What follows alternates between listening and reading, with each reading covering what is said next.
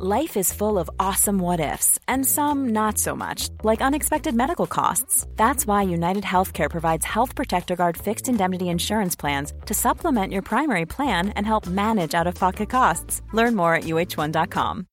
Millions of people have lost weight with personalized plans from Noom, like Evan, who can't stand salads and still lost 50 pounds. Salads, generally, for most people, are the easy button, right? For me, that wasn't an option. I never really was a salad guy. That's just not who I am. But Noom worked for me. Get your personalized plan today at Noom.com. Real Noom user compensated to provide their story. In four weeks, the typical Noom user can expect to lose one to two pounds per week. Individual results may vary. There's never been a faster or easier way to start your weight loss journey than with PlushCare. PlushCare accepts most insurance plans and gives you online access to board-certified physicians who can prescribe FDA-approved weight loss medications like Wigovi and Zepbound for those who qualify.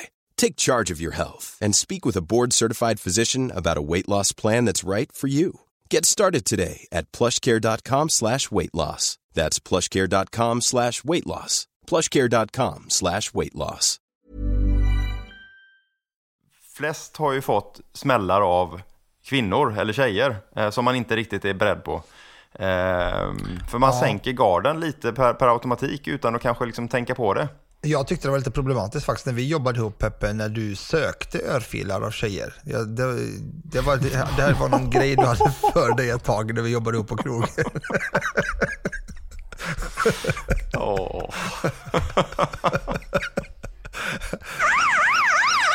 Hur var det här då? Hur var det här då? Hur var det här då? Hur var det här då? Hur var det här då? Jo, hur var det här då? Hallå, hallå och välkomna till podden Hur var det här då? Den här veckan så vet jag att Martin, du har gripit lite vapen eller hittat vapen. Hur säger man? Gripit vapen, mycket bra sägning. Jag ska direkt så att jag inte får kritik på jobbet här. att Jag själv har inte gjort det. Men eh, personal inom samma avdelning så att säga har gjort det. Eh, vi ser det ju som ett lagarbete får man säga då. Så att jag tar med mig själv lite grann där ändå.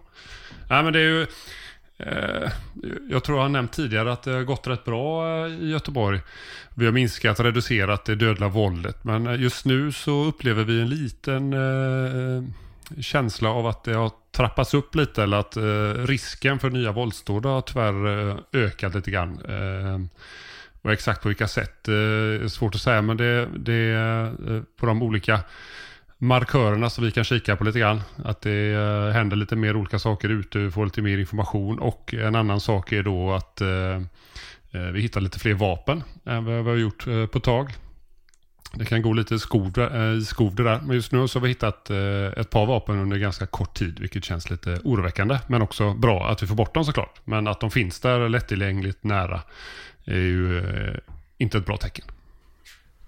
Men för oss lyssnare då, eller för mig då bland annat. Vad, vad, vilka, hur ser man att någonting är på gång? Är det en känsla eller är det att folk har blivit utsläppta från fängelse? Eller är, du sa att ni har hittat mer vapen, då blir det en liten oroskänsla. Kan inte det bara vara en liten tillfällighet? Eller vad, vad, för ofta som jag läste tidningarna då så, så, så är det just det där att nu är det Åh, eh, kod röd säger jag då. Nu måste ni hjälpa mig killar här. Uppe i, om vi tar upp i Stockholm där. Eh, att man har olika koder och sånt. Inom två veckor kommer det hända ett dåd. Eh, har ni sån bra koll på det utan att kunna eh, stoppa dem då? Eller hur, Ja, det hur finns funkar ju, det Martin? du pratar lite olika saker där. Eh, Det du sa med två veckor bland annat. Det finns ju forskning på när det har skett ett, eh, eh, ett eh, våldsdåd. Ett, eh, säg att det sker en skjutning. Eh, säg att det sker ett, ett mord genom skjutning. Och då vet man inom forskningen att de närmsta två veckorna sen, då är hämndbegäret och den här impulsen att hämnas väldigt, väldigt stor. Kraftigt ökad. Så under de två veckorna så vet vi att det är särskilt Särskilt farligt att det fortsätter trappas upp om man inte får stopp på det där. Eh, och då jobbar vi med olika sätt just för att fördröja det här och påverka på massa olika sätt. Att, eh, samtal med olika kriminella och mer synliga poliser. Jobba med socialtjänsten för att få undan Uh, unga personer som är på väg eh, in i den här miljön och uh, mycket annat. Då. Uh, men sen också då det du frågade om hur vi kan se att det är på gång. Det är ju, det är ju precis som sakerna du nämnde. Dels att vi vet att det kommer ut tongivande personer från eh, fängelse. Eh, det kom ju tyvärr ganska grova brott eh, för ett par år sedan. Så vissa kom ju ut som kanske var ganska unga då. Då hade man ju inte den här straffskärpningen och att även unga sitter inne. Men också att man ser att det händer saker mer oroligt. De kanske fler som har på sig skyddsvästar, vi hittar vapen. Eh, en mängd olika eh, faktorer som gör att, att vi eh, på goda grunder kan känna att nu höjer vi nivån lite grann här. För nu, nu är någonting på gång. Och då har du ändå inte nämnt det underrättelsebaserade arbetet egentligen, för där pågår ju intensivt mest hela tiden och det, tack vare det, jag som har jobbat med det i sex år, man vet väldigt, väldigt, väldigt mycket och när man jobbar med underrättelse så är fokuset inte alltid att lösa saker och ting utan ibland att förebygga med främst att veta och lämna, lämna information till rätt personal. Så underrättelsemässigt så vill jag påstå att vi har en otroligt bra koll. Eh, så det tror jag nog, och även när det intensifieras på det sättet som det kanske har behövt uppe i Stockholm. Så det bidrar ju också tror jag. Absolut. Men Adde, bara, bara bara, bara en fråga där. Om, om man har sån bra koll som ni pratar om här nu då. Vad är det som gör att man inte kan förhindra mer skjutningar om man så säger? Är det, är det så brett då som man inte har koll på allihopa? Eller vad, vad är det? Är det, kommer det nya människor in och skjuter som man inte har koll på då? Eller vad är det som händer? Nej, men dels är det ju dels är det att man har en, ett, väldigt många individer att ha koll på. Man måste prioritera rätt personer. Man kan jämföra det med Säkerhetspolisens arbete. Hur många tips och individer har inte de att hålla koll på i olika extremistiska miljöer? Ibland, man missar ju några. Eh, en, en passus bara för den delen. Sen den, mm. den, den tredje, eller andra delen i det, i, i det svåra eh, arbetet att förhindra det är att vi har inte alltid lagstöd att göra de sakerna som, gör, som krävs för att vi ska kunna ta. Alltså om vi vet att en person har tillgång till ett vapen i närheten av sin bostad. Alltså det är inte så att vi hur lätt som helst kan bereda oss tillträde till alla, till alla lägenheter, till alla vindar, källare där han kan tänkas förvara. Så lagstödsmässigt, eh, där kan vi ändå sakna verktyg. Sen vet jag inte hur, vilka verktyg jag skulle kunna önska för då är vi ju på gränsen till vad jag tycker är egentligen acceptabelt. Men ja, det är en annan fråga. Alltså lagstöd, vi, vi, vi vet väldigt mycket men vi har, kan sällan agera på det. Dels av resursbrist men också på grund av ja, vi, våra händer är bakbundna. Okej. Okay. Martin? Ja, men eh, precis som eh, eh, Nadde var inne på och även den frågan du hade där Micke, hur vi vet det så. Det är ju eller varför vi inte stoppar egentligen då. Och det, vi har ju inte den kollen precis vilken tid. Oftast då, ibland har vi det såklart och då stoppar vi det. Och det gjorde ju så via Encro och så här. Men eh, när vi inte har den här exakta kollen på att det är precis just den specifika personen, den specifika platsen och just den tiden. Det har vi inte alltid. Men vi kanske har ett, ett antal på tio personer som vi vet är både Eh, potentiella målsägare då, eh, alltså brottsoffer eh, och även ungefär tio personer i andra gänget som vi tror kan vara utförare. Eller säga att det är fem personer som vi är extra hög risk att de kommer utföra brottet. Och det hade vi i förra sommaren hade vi ett mord på Länsmanstorget i Göteborg. Och då var det just så, så vi kunde jobba på grund av att vi hade så bra god kännedom om det här gänget. Så när det skedde ett mord i den miljön så började vi direkt söka eh, bland ett fåtal personer i, den andra, i det andra gänget. Och då kunde man bara, jag tror det tog 30 minuter, så hittade man just de personerna man var ute efter och tog in dem och sen kunde jobba upp ärendet tack vare teknisk bevisning, kameror och så vidare och eh, fick dem sen dömda. Så där är ju, där vi vill vara hela tiden, att vi ligger Tyvärr kan vi inte alltid förebygga det och förhindra det, men vi kan gripa in snabbt då, vilket gör att den här spiralen eh, bromsas upp, att det inte fortsätter fram och tillbaka på samma sätt. Men din fråga är ju fullt legitim där Micke. Det är, ju, det är ju många som undrar, liksom, om, om ni har så bra koll, varför, varför händer ingenting? Varför kan de tillåtas skjuta så här? Och då ska man ju också veta med sig, för att vi ska kunna punktmarkera en individ så krävs det otroligt mycket resurser. Och är det då, som det ser ut idag, väldigt, väldigt många som är eh, potentiella eh, mördare, eller, eller får man nästan säga i det här läget, så, så, innebär det otroligt mycket resurser. Och de resurserna har inte vi att tillgå. Och det är någonting som kanske sällan förklaras i det mediala. Eh, för det kan ju tyckas lite märkligt att ni, ni vet vilka som ska skjuta på ett ungefär när i tid. Eh, varför, varför, varför, blir det så här? Ja, den stora anledningen är att det är så otroligt svårt att punktmarkera ja, men bara en handfull människor egentligen. Och ja, när, vi pratar om resurser så är det alltså polispersonal. Och nu ska vi inte avslöja några som helst metoder, men har man jobbat med spaning och vet hur otroligt krävande det är, både i uthållighet, i antal, i antal individer som jobbar med det, så förstår man också hur otroligt svårt det är. Och, men sen måste vi också lägga till här då, en liten passus, det är ju också att NOA, eller de som driver insatsen i nation, den särskilda händelsen uppe i Stockholm, de har ju varit ute och berättat om att de faktiskt har förhindrat rätt mycket. Mm. Eh, nu vet jag, kan ju inga detaljer om det, men de har ju varit, de har ju varit ute och pratat om det i media och sådär. Så att när vi väl vill och satsar och det är brännhett läge så, så kan vi ju. Problemet är att vi kan ju inte hålla den kapaciteten hela tiden överallt. För att den kapaciteten som är där uppe och jobbar, den tar sig från resten av landet. Mm. Vad, då måste jag bara tänka så här. Eh, när vi hade det Arlanda-rånet där så, så de, inom, inom den gruppen så sköt de ihjäl en kille för han tjuvade lite pengar från de andra där. Eh, och han blev ju faktiskt informerad av polisen att åk inte dit för du kommer bli mördad. Man åkte ju dit ändå till Finland och blev mördad av han som dräpte honom på Solvalla där.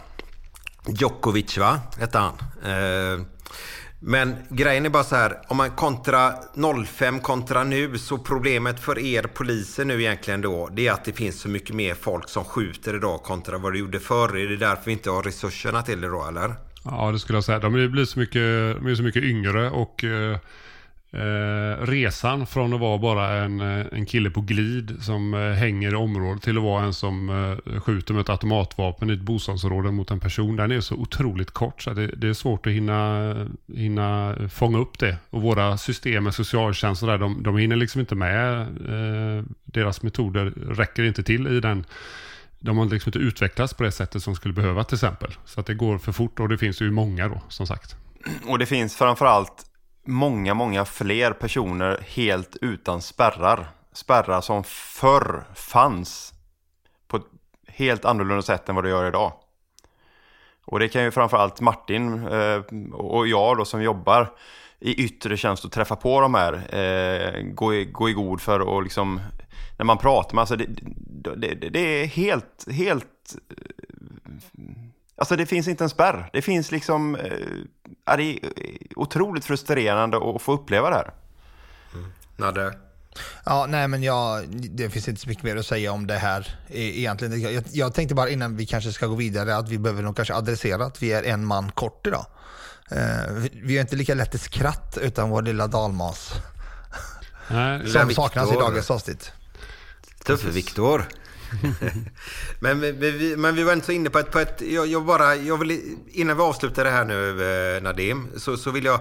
Eh, ni ser skillnaden från att vara eh, kriminell. Alltså vi, vi snackar, först gör du en stöld, sen gör du en bilstöld, sen gör du kanske ett litet rån och så går du vidare. Alltså man, man hade sin mm. hierarki som man gick igenom för. Mm. Idag är det från eh, från egentligen att vara lillebror till att skjuta med automatvapen sker på två veckor kanske till och med. Mm. Eh, men jag blir bara sån där, fan, jag har ju barn hemma, jag har uppfostrat massa barn och jag, de är inte perfekta på något sätt överhuvudtaget. Men därifrån till dit är en jävla skillnad då. Vad, vad, vad är det som gör att det ser ut så idag? Alltså jag tror att den som beskriver den här utvecklingen bäst, nu får jag nog försöka citera honom så gott jag kan, det är Diamant Salihu, framförallt i hans eh, senaste bok När ingen lyssnar som är helt fantastisk. Eh, där beskriver han egentligen att Sverige har haft en ganska lång tid en fullkomligt anarki eller oorganiserat brottslighet. Oorganiserat i den bemärkelsen att det har aldrig, det, det finns inte några liksom eh, hierarkier, hierarkiska ordningar, det finns inga toppar, det finns ingen resa man gör. Man börjar inte som, som springis och sen klättrar man sig upp sist den lilla stegen som du berättade som man gjorde tidigare. Det finns ingen struktur i de, den kriminaliteten som finns utan idag är steget ifrån springpojke till potentiell mördare extremt kort och de här springpojkarna och potentiella mördarna är alltså barn. Det är unga människor med allt vad det innebär. Impulsivitet, kanske någon slags diagnos, utebliven konsekvens konsekvenstänk och så vidare. Han, han skriver om det väldigt, väldigt bra i den boken och som, det, ger, det ger en viss förståelse, för, för min del i alla fall, som upplever precis samma sak som alla poliser, men som inte riktigt kan sätta fingret på varför vi är där, förutom det enkla, liksom, enkla svaret om segregation och brist, bristande integration och du vet, det där. Mm. Mm. Jag, jag, jag, bara tänker så här, fan, jag, jag sa förut att jag har uppfostrat massa barn och jag tror aldrig att de skulle komma till, till, till, till det, det stadiet. Fattar ni vad jag menar lite grann? Alltså, jag skulle vilja veta vad det är, vilka personer det är. Och nu menar jag inte folkslag nu Nadim överhuvudtaget. Utan det är lite grann, vad är det, är det bara i segregation som gör det? Eller vad är, vad är, vad är det som gör att det är så empatilöst? Just empatilöst är så jävla sorgligt tycker jag. Men det beror väl också på i vilken hemmiljö du växer upp i. Växer du upp med en mor och far med jobb som visar kärlek till varandra, som visar omtänksamhet till, till dina syskon eller bröder kontra eh, några som inte gör det, som kanske har ett par eh, barn för mycket och som, som inte visar den här kärleken. Ja, men det är väl klart att det får att det, att det eh, spiller över på den uppfostran och den, den moraliska och etiska kompassen du sen eh, har med dig genom livet. Eh, det, kan, det räcker man ju se till sina egna vänner, vilka, vilka, vilka beter sig på ett visst sätt. Ja, vad, vad, kan man se för gemensamma nämnare i deras hem? Ja, men ja, det är lite det jag pratar om. Ju mer kärlek och ju mer skyddsnät du har från början, desto mindre är risken att hamna i de här gängen. Eh, okay. Det är ju glasklart. Mm. Mm. det här är ju precis det vi pratade om i ett avsnitt där vi handlade, det som handlar om brottsförebyggande arbete. Det är ju precis det här som, som, som, som vi kan prata hur mycket som helst om. Så att det finns ju en, en det finns förklaringar till, till det, men de är så otroligt komplexa. Liksom. Och, men, och vi har tagit upp dem i tidigare avsnitt. Vi ska avsluta här nu då. Men vi har ju här i Göteborg då Martin Pepperos som jobbar i Göteborg. Eh, Nadim Borås eh, runt om hela Sverige där. Så, så har vi våran lilla klan här i Göteborg där. Det kommer ju fram lite hemska siffror här nu hur, hur de beter sig hur de har tagit över ett helt samhälle här, här i Göteborg då. Men det kan vi ta i ett annat avsnitt då. För där ser man väldigt tydligt att från eh, en 14-åring, hans pappa var ju gängledare och han styrde hela jävla stället där då i, i eh, nordöstra Göteborg här nu då. Men det tar väl ett annat avsnitt gör vi. Det där är ett klockrent ämne för ett annat avsnitt tycker jag. Vi, vi har ju snackat här nu gängkriminella. Eh, på tal om dig Martin då. Som tog ett vapen här nu då. Det var där vi började och nu är vi här. Eh, men så kommer jag in på lite kvinnlig brottslighet här nu då. Vi hade ju Maja Johanna här nu då som mördade sin vän Tove i, i Vetlanda här nu. Supersorgligt på alla sätt och vis. Eh, men när ni kommer ut till en brottsplats och ni möter kvinnliga brottslingar då. Hur, hur, eh, hur gör ni när ni eh, beter man sig olika på, alltså, som, som polis? Eller fattar ni min fråga? Ja, men, jag skulle säga att vi behandlar ju ja, inledningsvis i alla fall kvinnor, eller inledningsvis, vi, vi behandlar kvinnor och män på precis samma sätt. Eh, vi utgår ju alltid från eh, vad de har gjort och inte vilka de är. Eh, I den bästa av världar såklart. Eh, sen så finns det ju alltid små eh, personliga eh, vad ska man säga, felmarginaler i det där. Men, men eh, nej, så länge det är liksom glasklart vem som har gjort vad så, så utgår man ju från ja, de, den fakta man har. Men det vi kanske ibland missar, eh, det är väl kanske mm, ja, i vilken roll kvinnor har i dagens eh, eh, brottslighet skulle jag vilja säga. Eh, och då tänker jag framförallt då på, på gängkriminella och eh, kriminaliteten runt omkring där. Eh, vi ser ju eh, fler och fler tjejer som, eller kvinnor som, som faktiskt ertappas med att eh, ja, men, hyra bilar, hyra lägenheter, alltså, ehm, eh, som då inte har någon direkt koppling och där de själva då är i våra register i gröna. Eh, vilket gör att saker och ting försvåras såklart. Eh, och det kanske vi inte har jobbat emot tidigare på samma sätt. Det är väl min upplevelse i alla fall. Och sen ja, personligen kan jag säga att jag, jag, jag har garanterat missat flera eh, nu kommer tjejer genom åren. Nej, men tjejer genom åren som, som garanterat har burit på både vapen men framförallt narkotika. Och kanske till och med stått bredvid mig. Jag söker igenom de manliga eh, på platsen men, men då inte har sökt igenom de, de kvinnliga. Eh, det är jag helt beredd på, på att lägga. Varför? liksom, så, så. Varf- varför har du missat dem? Nej men för att jag tror att vi alla har en bild, jag kan bara prata för mig själv, man har, eller jag har en bild av att eh, av den erfarenheten och kunskapen jag har skaffat mig de här åren så, så har jag stött på väldigt, väldigt få eh, tjejer eller kvinnor som är delaktiga.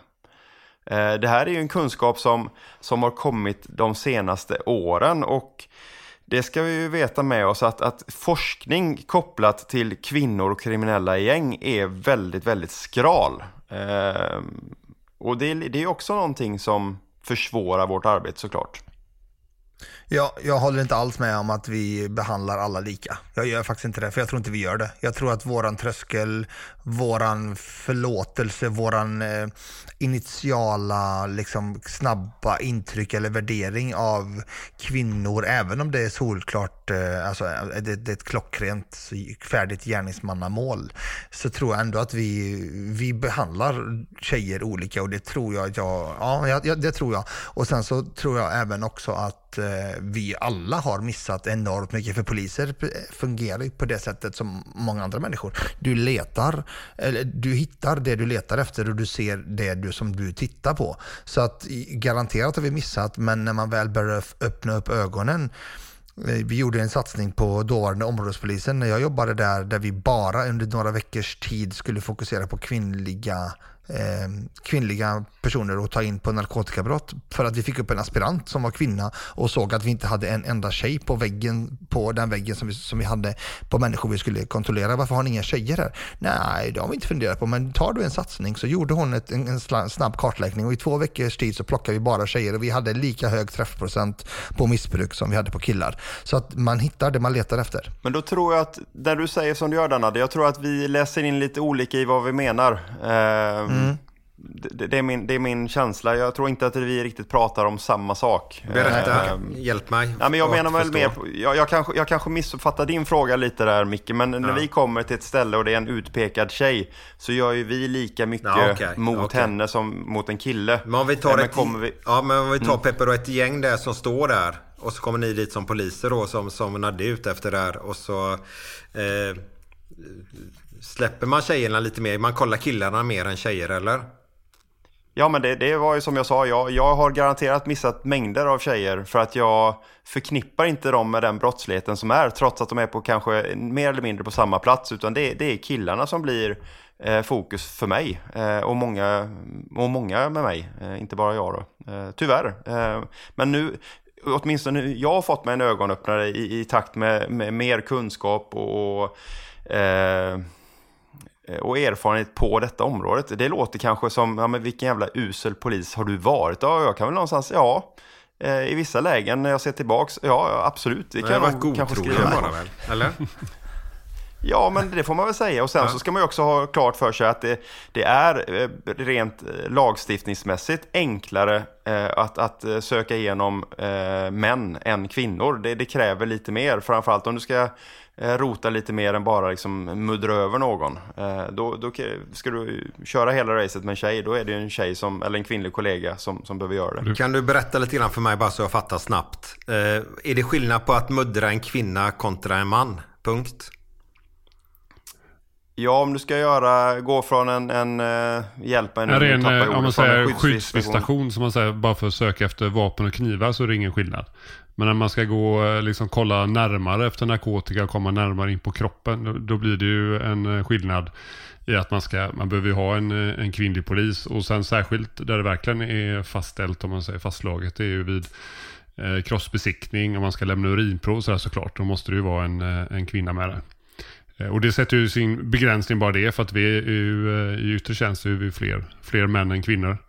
Eh, och det blir ju en begränsning även i de här skyddsvisitationerna så blir det ju också en liten begränsning. Det, det känns ju inte bra att och liksom visitera en kvinna och det ser lite sämre ut. Och, eh, det blir en allmän spärr där att man, man tycker att det är lite mer obekvämt.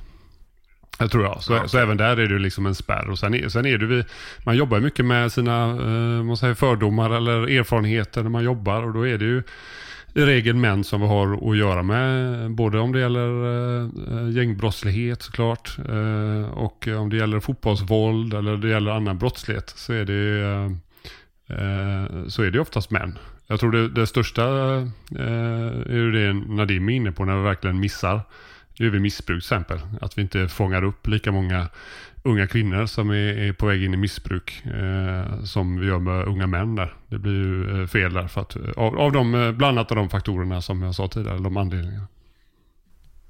Jag kan ju bara berätta en grej. Jag var i Hammarkullen och jobbade, inte nu i vintras utan förra vintern i trappuppgångar där och målade dem. Så, så, eh, och då kan jag säga att de stod ju och dealade framför mig helt enkelt. Jag gick i trappuppgångarna och jobbade. Och det var faktiskt kvinnor som var där och köpte av yngre män. Men de köpte ju tabletter då. Eh, det var de dealarna jag såg mest faktiskt. Mm. Så, så, och kvinnor, eh, den lilla erfarenheten jag har då så, så, är, så kör ju kvinnor mycket piller då. Eh, det var det jag såg i alla fall. Det var verkligheten jag träffade på där uppe i Hammarkullen. Och just kopplat till kvinnor som gärningsmän så, så hade vi här för någon vecka eller två sedan eh, den första livs, eller de första livstidsdomarna mot två personer, kvinnor under 21 år. Mm. Eh, de fick ju då eh, livstidsfängelse för mordet på Tove ja. i Vetlanda. Maja och Johanna där ja. Stämmer bra, stämmer mm. bra. Så de var ju 20 och 18. Så första under 21 som fick livstidsfängelse. Sen är det ju tingsrätten än så länge men ehm, och det lär bli en följetong på den. Mm. Men eh, ja, ja det är sitt slag. En, en sorglig sak på alla sätt och vis. Gamla kompisar som, som eh, ja. Väldigt bra med en straffskärpning. vidrigt. Väldigt, väldigt bra tycker jag. Eh, det träffar ju många av de gängmålen också där. Att man får bort de här under längre tid. Så jag tyvärr är jätteviktigt. Men när vi ändå är inne och pratar just kvinnor och sådär. Vet ni, eh, för det första då, nu får ni svara snabbt. Jag vill inte att ni sitter och googlar, men nej, nej, eh, vet, jag... ni, vet ni hur många livstidsdömda personer som sitter i våra fängelser idag? Både ja. män och kvinnor. 556. Jävlar. det, var, det var exakt. Ja, det såg ju snabbt. Okej. Ja, väldigt snabbt. Var, varför vet 556 Micke. Ja, Nadde Martin. Det lät inte som en gissning Micke, men du menar att du gissade bara? Ja. Ja, ja. Jaha, det var en gissning. Ja, jag kan säga att han, är, han, han gissar verkligen. Så får ni själva, det, den lilla ja, ledtråden får ni. Jag han vet att verkligen. det är, ska, ska, ska jag vara riktigt ärlig, 153 är det, säger jag då. 250. Jag ska vara riktigt ärlig nu då. Ja, jag har ingen jävla aning, jag säger 100. 194 stycken. Mm. Och då kommer nästa grej. Vet ni hur många av de här som är kvinnor? 30. Ja, det är ju... Två. Ah? Nej, jag vet inte. Vem 30, 30 säger Nadde, 2 säger Martin. Vad säger du? Ja, men jag lägger mig emellan då för att få mest procentuell chans. Då, då säger jag 16 då. 15. 15. Fan, du är ju en vinnare Micke. 11 Tack. stycken. Ja. Mm. 194 livstidsdömda varav 11 är kvinnor. Matematisk uträkning Peppe, kallas det. Fegt att svara sist också, men visst. 11 stycken. Nu måste hon Arboga-kvinnan vara med i alla fall va? Johanna eller vad hette hon? Ja, det bör hon väl vara om ja. hon nu fick livstid. Ja, det måste hon ju fått, idioten. Men en sista statistikfråga då. Vet ni hur många procent av de intagna eh, på kriminalvården som är kvinnor? Nej, som har ADHD tänkte jag säga. 100% skulle jag ha sagt då. Eh, då skulle jag, ska säga 20% då. Jag tänkte nästan också ställ, 10%. Ställ, ställ frågan till då. Hur många procent av de intagna hos kriminalvården är kvinnor? Aha. Säg nu Nadde, vad sa du 20? Ja, men sluta, säg först nu för fan jävla fegis. Ja men jag kan säga 5 procent, du är inte 20 procent. 10 procent. Ja, jag säger 20. Fem? Alltså, det är ju sjukt. Målan tar det igen. Ja, 7 procent. Ja, men tro fan, det kan inte vara 20 procent tjejer som sitter... Nej, du... Alltså Nadde, vad fan har du växt upp här? Ulricehamn kom... eller? Bror, jag jobbar, jag jobbar med dem innan de åker in. Jag skiter i det efter. Nej, vad fan. Bedrövligt det här. Ja. ja tack för ja, informationen Peppe, faktiskt. Det var roligt. Roligt mm. avbräck. Nej, men det är så, mm, jag... jag... är så glad att få, få bidra med lite statistik. Det är ju liksom det jag eh, förnöjer mig med på det är kvällarna. Det, som är din det är grej, statistik. Ja, så torrt och tråkigt. Ja, men det är, det är bra. Jag tror våra lyssnare gillar det här faktiskt för då får man ren fakta och det är ganska bra där. Eh, 7, 7% är ganska mycket ändå. Eh, eftersom vi har, eh, de, det är ju de som sitter inne just nu, inte dömda då kan jag tänka mig, utan de som sitter inne just nu då. För ni vet väl om, fast att du blir dömd och ska få ett fängelsestraff så behöver Vet, då måste jag ställa lite frågor till er då killar då. Är, är, är ni med här nu då? med. När jag blir dömd Fan, blir för ett fängelsestraff. här nu? Ja, men vad fan Välkomna till Quizpodden. kunskap? Vad okej. händer då? Måste jag hoppa in direkt eller kan jag hoppa in när jag vill eller måste jag vänta på, på en datum? Vad var det för Vad brott du har bedömt för sa du det? Ja men, ja men så att jag blir dömd och inte sitter i häktet och blir in direkt utan du, du, du, du är Du är uppe i tingsrätten, du blir, får en dom, du sitter inte i häktet.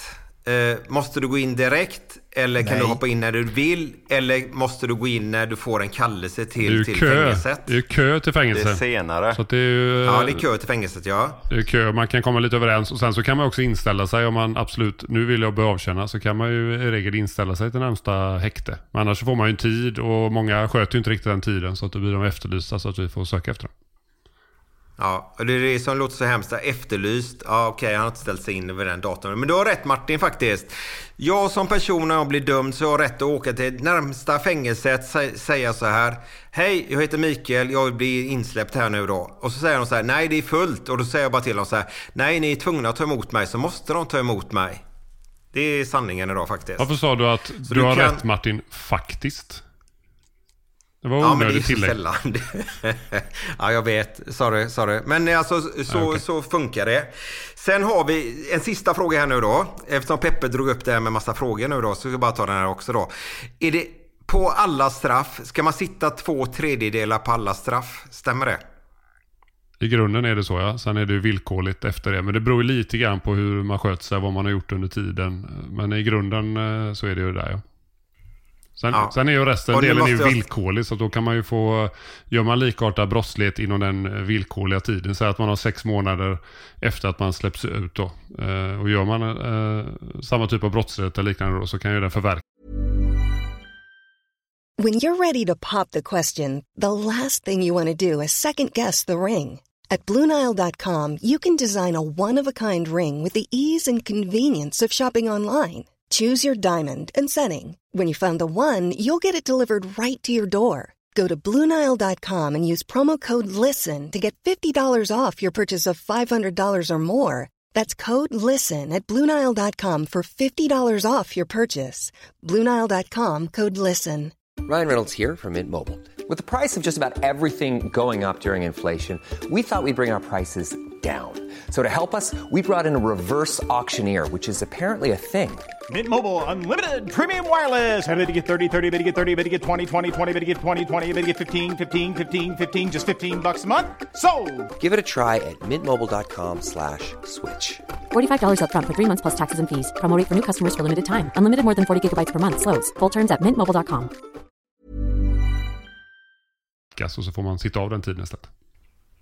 Exakt. Det är därför man har den tredjedelen. För alla säger så är den tredjedelen dömd. Men om du inte sköter dig i fängelset så kan du faktiskt få, så att du arbetsvägrar så får du fyra dagars extra och sitta kvar.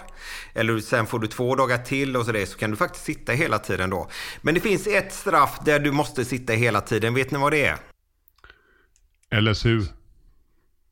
Nej, Sluten är, om ungdomsvård. du blir dömd Nej, om du blir dömd till två månaders fängelse får du sitta två månader. Blir du dömd till tre månaders fängelse får du bara sitta två månader också. Ja. Jag har lärt er något idag Ja, killar. inte. Och så till dagens eh, lyssnarfråga då. Eh, vad gäller angående telefon och eh, körning med bil alltså? Är det bara att man inte får prata i telefon eller gäller det att pilla på telefonen också? Nej, det är ju även och, eh, om man ska säga lagtexten så står det ju att man har fört fordon och samtidigt använt handhållen mobiltelefon eller annan kommunikationsutrustning. Eh, så att det är ju inte bara, man, det räcker att man håller i den eh, när man kör till exempel. Det behöver inte vara att man eh, pratar i den ens egentligen. Man får inte hålla den eller eh, då kan man ju sitta och smsa och liknande. Då, det har man ju Man har ju eh, skärpt till det lite så att man inte, det är väldigt svårt för oss att bevisa annars att man verkligen pratar i telefonen eller att man verkligen smsar det. Utan håller man och använder då, genom att man håller i den så använder man ju den. Eh, en handhållen eh, mobiltelefon eller annan kommunikations, eh, kommunikationsutrustning. Då, då eh, gör man sig skyldig till det brottet och får då 1500 kronor i eh, böter. Är det 1500? 1500 om det är en bil ja, man kör. Annars blir det 1000 om man eh, kör eh, moped och sitter med telefonen. Fast det borde vara värre. Jaha. Om man har ett styre att hålla i. Okej. Vet ni vad böterna är på dubbdäck då, som jag åkte fast på förra veckan? Kan du inte berätta igen lite grann hur det gick till? För det var ju ganska roligt. Du hjälpte ju eh, ordningsmakten lite grann där. Kan du inte berätta jag lite kort inte bara? det riktigt där. Jag åker ner för Bergsjöbacken för jag ska bort och slänga skräp och hämta lite grejer. Och där står ju då, ni hade ju sån här trafikvecka om jag har förstått det rätt här nu efteråt då, inside formation där då. Det är det hela Och tiden. då, ja, dessa veckor alltså. De är många på ett år känns det som. Och då är, känns det verkligen sådär efteråt. För jag lägger mig bakom en lite större bil tänkte jag. Då ser ju inte han mig. För jag tänker ju att om man står ute polisen och så lyssnar ju han så hör ju han att jag har dubbdäck. Eh, jag har åkt fast för det innan men det är en annan sak. Och så åker jag ner där, men då tar de bara in en sån här byggtrafik. Alltså vi, vi som håller små, små byggbilar. Tar de in allihopa där och så in dit. Så kommer jag in och så kör jag in till kvinnan som står där och vinkar in mig. Så säger Fan, ja, är det dubbdäcken eller? Ja, nej det har jag inte sett säger hon då. Det var fint av dig. Så, åker, ju- ja, så, jag, så jag hjälper ju henne att eh, ta dit mig. Men vad är, vad är böterna på, på dubbdäck tror ni? Ja, det är väl 500 kronor va? Bra Peppe! Det är fan A-barnet alltså. Mycket Mm, bra. Ja. Jag har för mig att det var 500 kronor per däck, men det är det inte. Det var 500 kronor för alla fyra däcken. Du Så- kan inte dömas för samma brott. Därav 500 kronor och inte 5 gånger 400.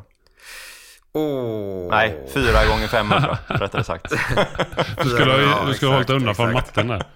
Ja men du är återfallsförbrytare Micke alltså. Du har åkt fast för samma brott tidigare.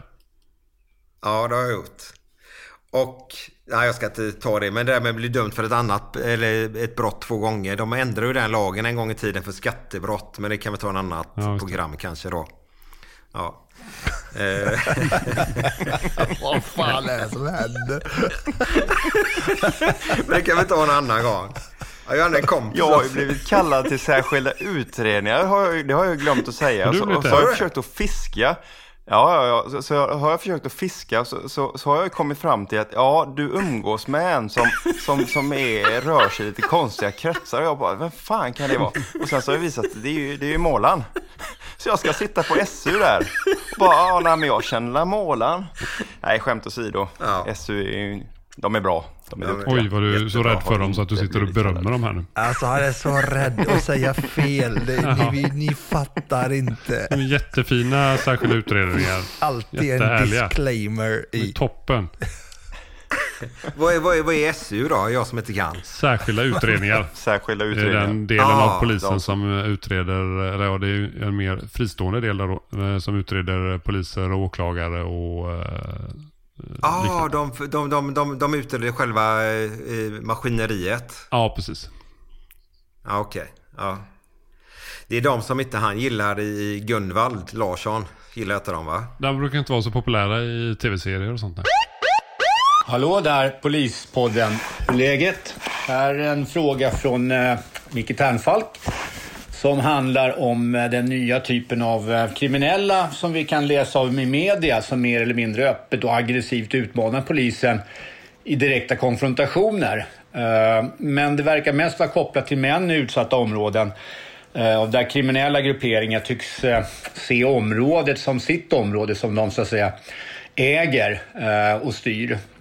Jag undrar om det är en relevant bild som ni ser som poliser Eh, och hur man påverkas som polis eh, av den typen av utmaningar. Jag kan tänka mig att det blir eh, ganska högt stresspåslag och frågan är vad man, hur man kan bearbeta sådana saker och behålla lugnet i den typen av situationer.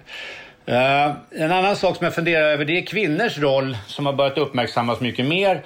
Eh, i de här kriminella miljöerna. Så att jag är lite nyfiken på hur ni ser på kvinnors roll i de här miljöerna. Bidrar de till att eskalera eh, det här våldet, eh, den här aggressiviteten och konfrontationen med poliser? Eller är det snarare så att de minskar aggressiviteten i de här situationerna? Eller vad ser ni att kvinnornas roll överhuvudtaget handlar om? Har de, är de liksom helt os, vad ska jag säga, osynliga i, i de här situationerna? Deras roll är mer att vara, eh, ligga li, lite grann eh, bakom eh, kriminaliteten i de här miljöerna och eh, mera osynligt. Eh, och sen funderar jag också på om ni har rätt verktyg för att hantera eh, de situationer som uppstår och eller vad ni i så fall behöver för verktyg ur, ur ert perspektiv. Ja, tack. Eh, hoppas ni kan eh, diskutera de här frågorna. Tycker det vore intressant. Tack och hej. Ja, nu har vi ju sett i, eh, i eh, media och det är ju aktuellt med bland annat Kaliber gör ju en väldigt viktig och bra granskning som jag tror första delen har släppts bara och det kommer fler. Och jag delar ju den bilden. Det är ju den bilden som vi har utifrån särskilt utsatta områden och det är ju en del av de kriterierna som i, i det Eh, det vi har från nationella operativa avdelningen NOA där, vad som kännetecknar ett särskilt utsatt område. Det är ju att de här gängen eller klaner eller vad man nu kallar det just i det området, det kan vara lite olika, ser lite olika ut, eh, att de tar över hela stadsdelar. Det kan vara att man går in på lokala butiker, man bara plockar åt sig saker och går ut och det är ingen som vågar göra någonting. Man går in på pizzerian och bara säger att man ska ha mat och de vågar inte göra annat än att ge det för att de är så rädda för att antingen bli misshandlade när de går därifrån eller att någon ska slå sönder pizzerian. Och Eh, det som polisen gör och där det fungerar som jag tycker det gör på, på vissa ställen. Det är ju där man väljer en, ett systematiskt arbete och hela tiden vara i området. Eh, tidigare så har vi kört även på Hisingen eh, för 10-15 år sedan. Så hade vi mer projekt. Vi såg ett problem och så satte vi en tillfällig grupp och jobbade mot problemet och så jobbade vi på i, i fyra veckor. Och så gjorde vi flera gånger. Till slut så kommer jag ihåg och gängen visste när vi satte igång och var plötsligt med poliser så, så frågade de oss rätt ut. "Ja, Hur många veckor håller ni den här gången? Hur många veckor ska ni hålla på? Då lugnade de sig lite tag och sen så lämnade vi. Och då fortsatte de som vanligt och vi övergav stadsdelen. Men det som vi gör nu då, som vi måste göra i polisen. Vi måste ha duktiga områdespoliser eh, som lär känna sin stadsdel, skapa förtroende. Då får vi också att eh, personer i området eh, vågar ringa oss när det händer någonting. Och till slut också våga stå upp lite grann själva för sitt område. Eh, och gänget kan inte etablera sig för att vi är repressiva och vi eh, tar med dem in, låser in dem, rapporterar dem för brott. Samtidigt som vi är relationsskapande till de yngre och eh, även till viss del till de äldre för att få information och skapa en kontakt och en legitimitet med det vi jobbar med. Så att, men, om jag ska ge ett riktigt kort svar så är det att vi behöver ha mycket poliser under lång, lång tid som jobbar systematiskt och nöter ner den brottsligheten.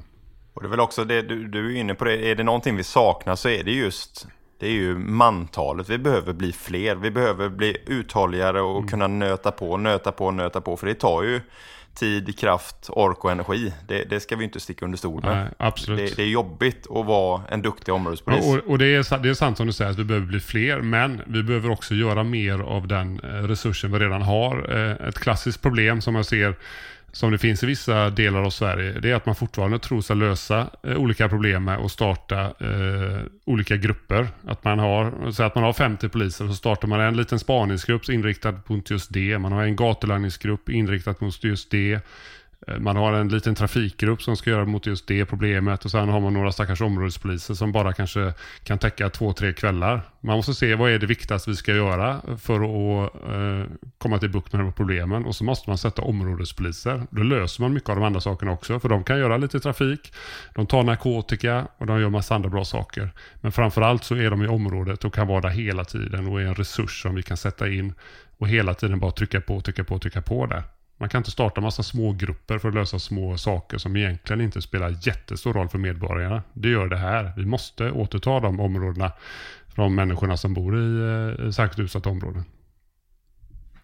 Men vad, vem bestämmer vad ni ska satsa på då? Kommer det uppifrån bara eller? Ja, alltså vi, det, jag tycker det är ganska tydlig styrning högst uppifrån. Eh, att vi ska satsa på områdespoliser, vi ska jobba mot den här brottsligheten och vilka metoder vi ska använda. Men sen så är det chefer eh, lite längre ner i, som, som eh, har ganska stort mandat själva. Det kan vara lokalpolisområdeschefer eller polisområdeschefer som, som väljer en liten annan prioritering och kanske inte styr det lika hårt. För det gäller ju också, det är ju inte lätt heller, utan man väljer ju att prioritera bort andra saker som, som många tycker är viktiga. Och, Eh, till exempel att ta stora narkotikabeslag bland eh, de som håller på med kanske eh, tillverkning eller införsel av amfetamin, men som själva inte bidrar till den själva gängbrottsligheten. Då kanske man inte ska rikta in sig på de beslagen för att ta stora beslag som känns bra, utan man ska rikta in sig på lite mindre beslag bland gängkriminella i ett nätverk som håller på med våldsbrottslighet. För det ger mer, det är opassande ord att välja kanske, men mer pang för pengarna Eh, i de områdena. För då förhindrar man mord istället för att ta fem kilo som egentligen i slutändan inte spelar så stor roll. För det kommer komma in ytterligare fem kilo och, mer därtill. Det gör ingenting och man stoppar ingenting. Men däremot får man bort de personerna i gängen som förutom håller på med narkotika även håller på med våld. Då stoppar man våldet och det är där vi måste vara först nu. Ja, och så, det var ju en mångfacetterad fråga som eh, Micke Eh, ställde. Vi tackar så mycket för den. Jag tror att det vi precis berörde nu, Martin och Peppe främst, att det är nog ett, ett ämne för ett eget, helt eget avsnitt tror jag. När eh, vi har lite mer kött på benen på det som kommer komma och där vi har lite mer tid till det här. Den andra delen i frågan som man ställer är ju kvinnornas roll. Eh, och det var lite grann det vi började prata om. Om de bidrar eller ja, vad, vad har de för roll egentligen? Och, och, och, och, och en av de absolut vanligaste frågorna jag får, både av media men också när jag är ute och föreläser och, eh, och brottsförebygger egentligen, det är ju hur det kommer sig att kvinnor är mindre brottsbenägna. Ehm, för det vet vi ju att de är. Siffrorna som ni lekte med innan talar ju lite grann sitt, sitt språk. Även om vi tittar mindre på kvinnor så finns det ju ändå, precis som Peppe sa, väldigt lite forskning på ämnet, men det finns ändå lite forskning på det. Och det som finns, som man pekar på, är just att det, det är ett mindre steg eh, från den typiska mansrollen att begå brott än, från, än att vara kvinna och begå brott. Det är ett större steg och pojkar och män uppmuntras och är i grunden lite mer risktagande. Eh, lite mer aggressiva, om det är hormoner eller vad det beror på, det, det vet jag inte. Men det ökar ju deras, det ökar ju brottsbenägenheten i jämförelse då med kvinnor. Och för kvinnan så tänker man, det, det, det sägs att eh, en kriminell handling innebär ju inte bara ett brott utan det innebär ett brott mot dubbla så kallade normsystem. Alltså dels är det lagen eh, men också könsrollen som är ju såklart en norm som man på något sätt, eller på olika sätt föds in i. Och kvinnor känner också i större utsträckning än män känner de skam och skuld när de gör fel, bryter mot regler. Och skam och skuld är ju någonting som i många, eller som i asiat, vissa asiatiska länder fungerar som liksom det mest brottseffektiva, eller brottsförebyggande, den effektivaste brottsförebyggande eh, delen. Jag tänker på Japan då framförallt där skam är en väldigt, väldigt stor del i, i eh, straffen man får. Så att eh, det, det, fin, det finns ju lite grann och om man tittar i olika kulturer så utsätts ju också flickor och kvinnor för högre kontroll, alltså inre kontroll ifrån familjen, mindre frihet än pojkar. Det kan vara både hederskultur, det kan vara könsnormer, olika krav ifrån olika eh, familjekonstellationer. Jag vet inte liksom, men det finns lite olika man kan titta eh, på som gör kvinnor och män olika potentiella gärningspersoner helt enkelt. Och jag, en, jag brukar faktiskt låta bli att ställa på, svara på den här frågan för att dels vet jag för lite men också så finns det väldigt lite forskning. Men den som, forskning som finns som jag har hittat det är det som jag, man kan, som jag har försökt att förklara nu på något slags begripligt sätt.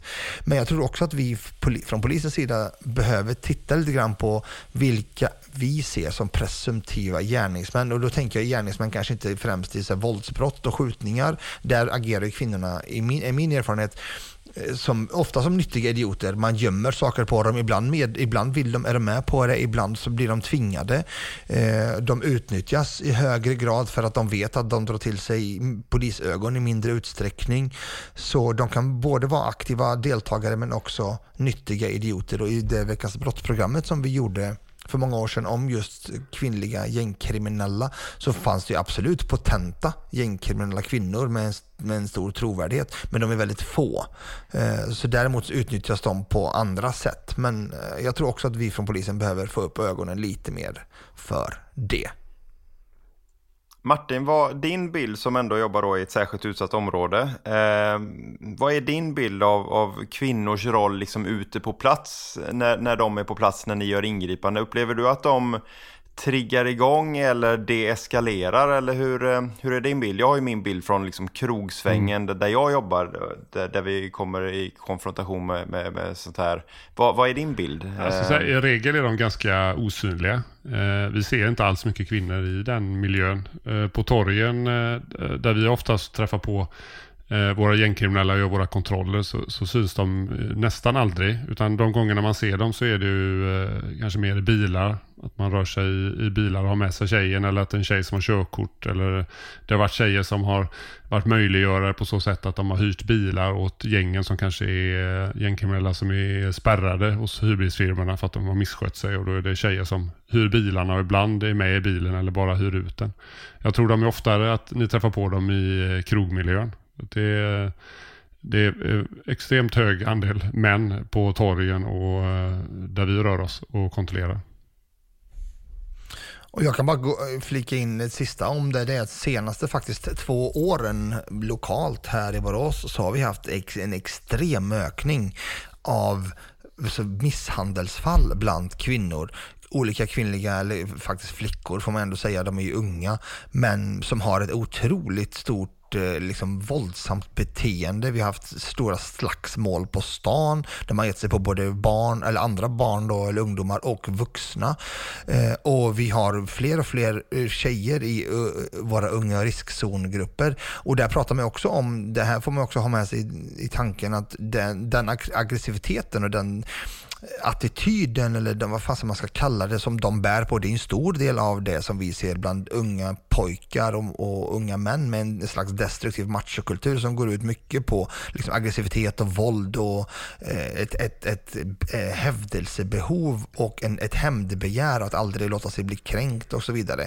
Det är ju en del av det. Så det ser vi fler, en, ök, en betydligt eh, större ökning senaste åren bland unga tjejer här i Borås. Och det våldet ni ser där, är det riktat mot eh, andra tjejer eller kvinnor eller är det generellt sett både mot kvinnor och män?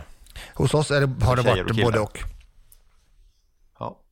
ungefär 50-50 där eller? Nej, det är mer mot tjejer men det är även mot killar. Och. Jag skulle inte säga att de brukar deskalera egentligen. Utan det är, jag tycker när vi hade eh, fotbollsmatch eh, nyligen. Eh, det var ju några tjejer som absolut värst. Och de drog, fortsatte dra igång det och hetsa upp stämningen. Och var extremt stökiga. Så att de kan vara väldigt stökiga. Och, och jaga upp andra. Tycker jag. Så att jag skulle inte säga att de deskalerar och är klokare än killarna i, i de fallen. Ja, men just vad gäller Eh, eskalering av saker och ting, det kan jag ju verkligen gå i god för. Eh, krogslagsmål med tjejer i yngre åldrar, eh, fulla eller påverkade sådana.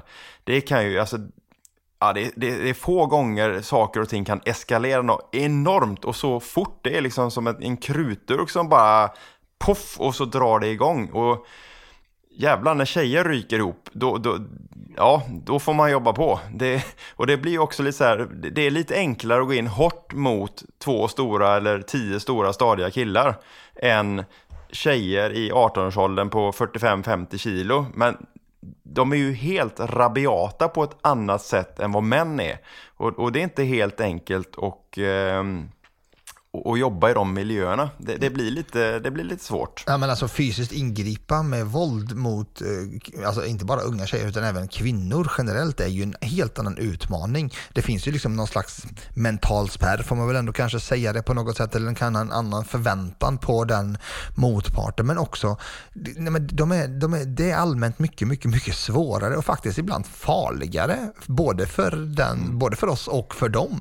För eh, man är van liksom vid att hantera män och de är oftast lite större, lite stelare i kroppar och lite sådär medan tjejer är, alltså det, det är en helt annan sak. Nu gick vi från lite grann från frågan, men kvinnors roll i det här är ju ändå en, eh, en intressant aspekt och att de som skulle fungera som deeskalerande är absolut inte heller min upplevelse. Så där delar vi samma upplevelse. Och tvärtom så kan de skapa jättemycket av egentligen ingenting. Och så har de snubbar runt omkring som vill gärna skydda dem eller ja, du vet, ja, tuppar som ska visa sig värdiga.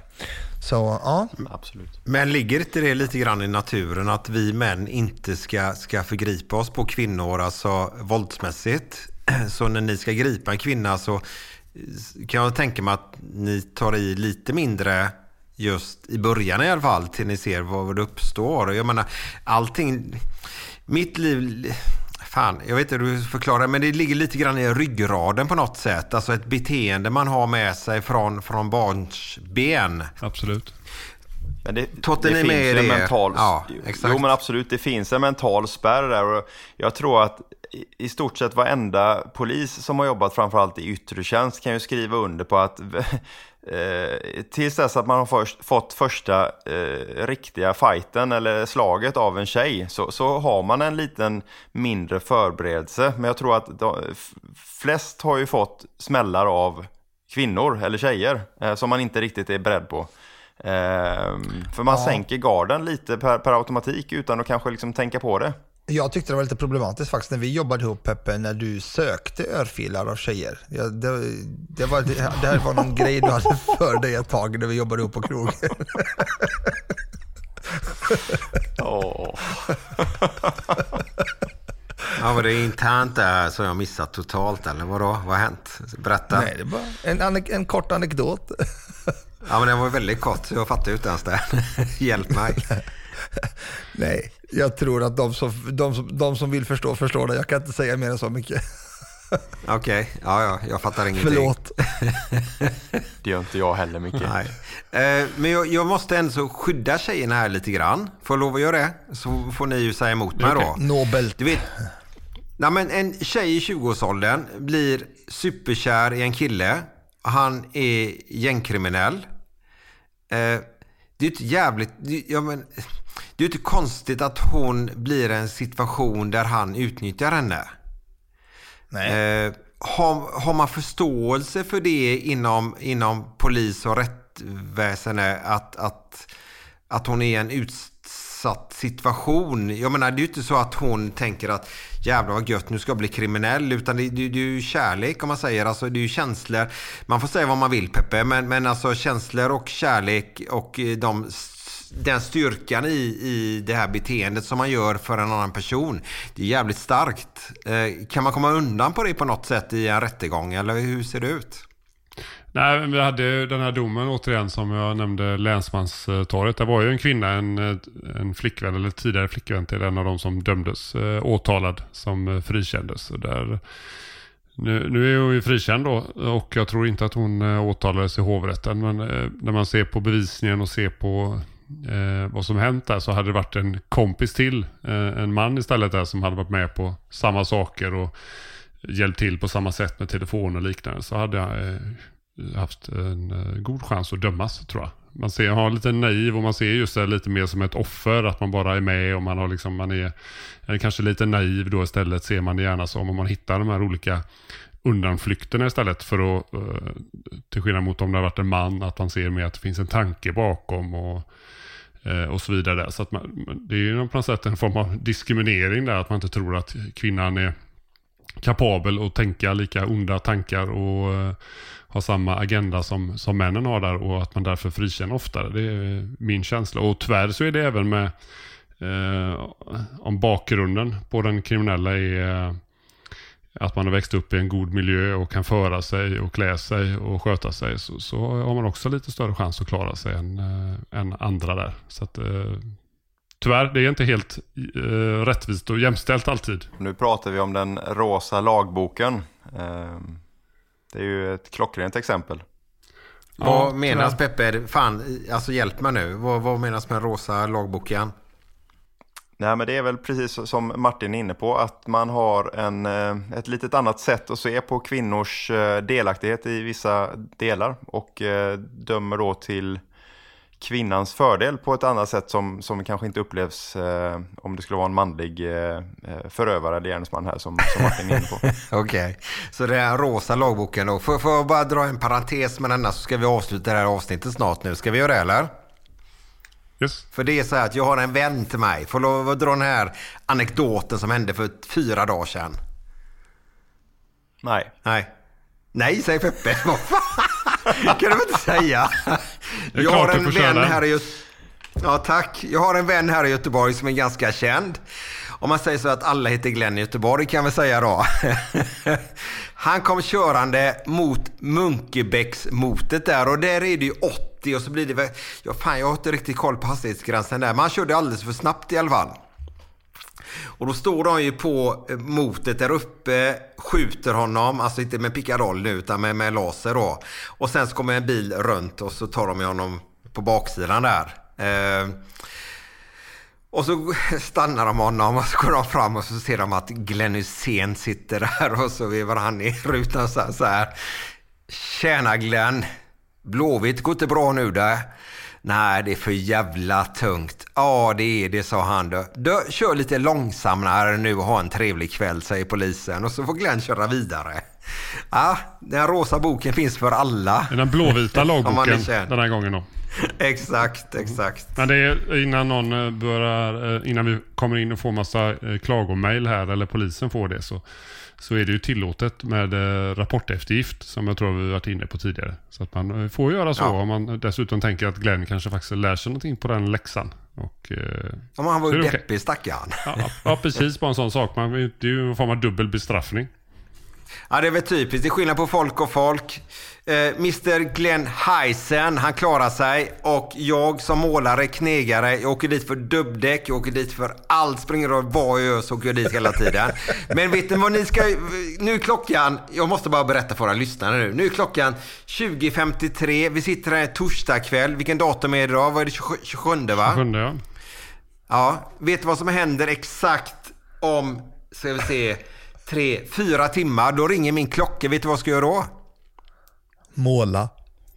Då, nej, då ska jag gå upp, klä på mig, ta med en resväska, åka upp till Landvetter, träffa Glenn Hysén och två killar till. Så ska vi åka till Liverpool, kolla Liverpool-Tottenham. Så vi ska vara där från fredag till måndag kväll. Det sa killar. Det, april, april ska jag sagt. Det låter inte ja, dumt. Ja, det är fan. På en riktigt härlig resa. Det är riktigt är det. Hälsa Glenn. Mm. Ja, jag ska hälsa Glenn och eh, vi ska åka upp till hans hem också där han bodde när han var proffs i Liverpool och vann Champions League. Så jag har sagt, men gjorde jag inte. Premier League. Den hette inte ens det. Vad hette den på den tiden, Nadde?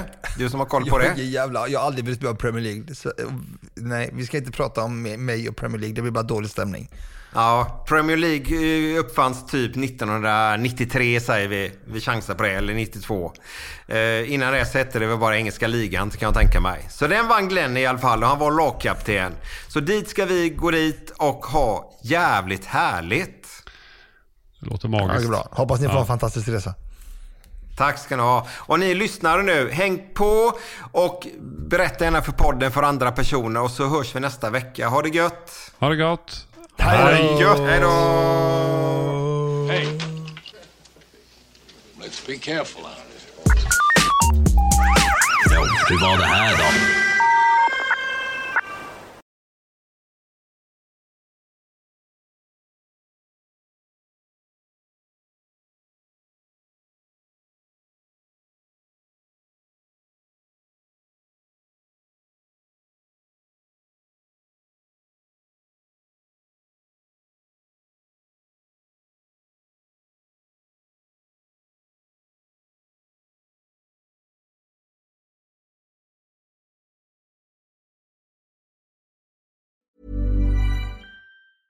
Planning for your next trip?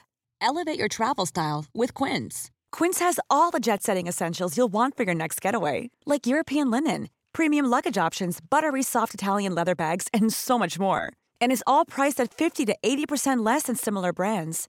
Plus, Quince only works with factories that use safe and ethical manufacturing practices. Pack your bags with high-quality essentials you'll be wearing for vacations to come with Quince. Go to quince.com slash pack for free shipping and 365-day returns.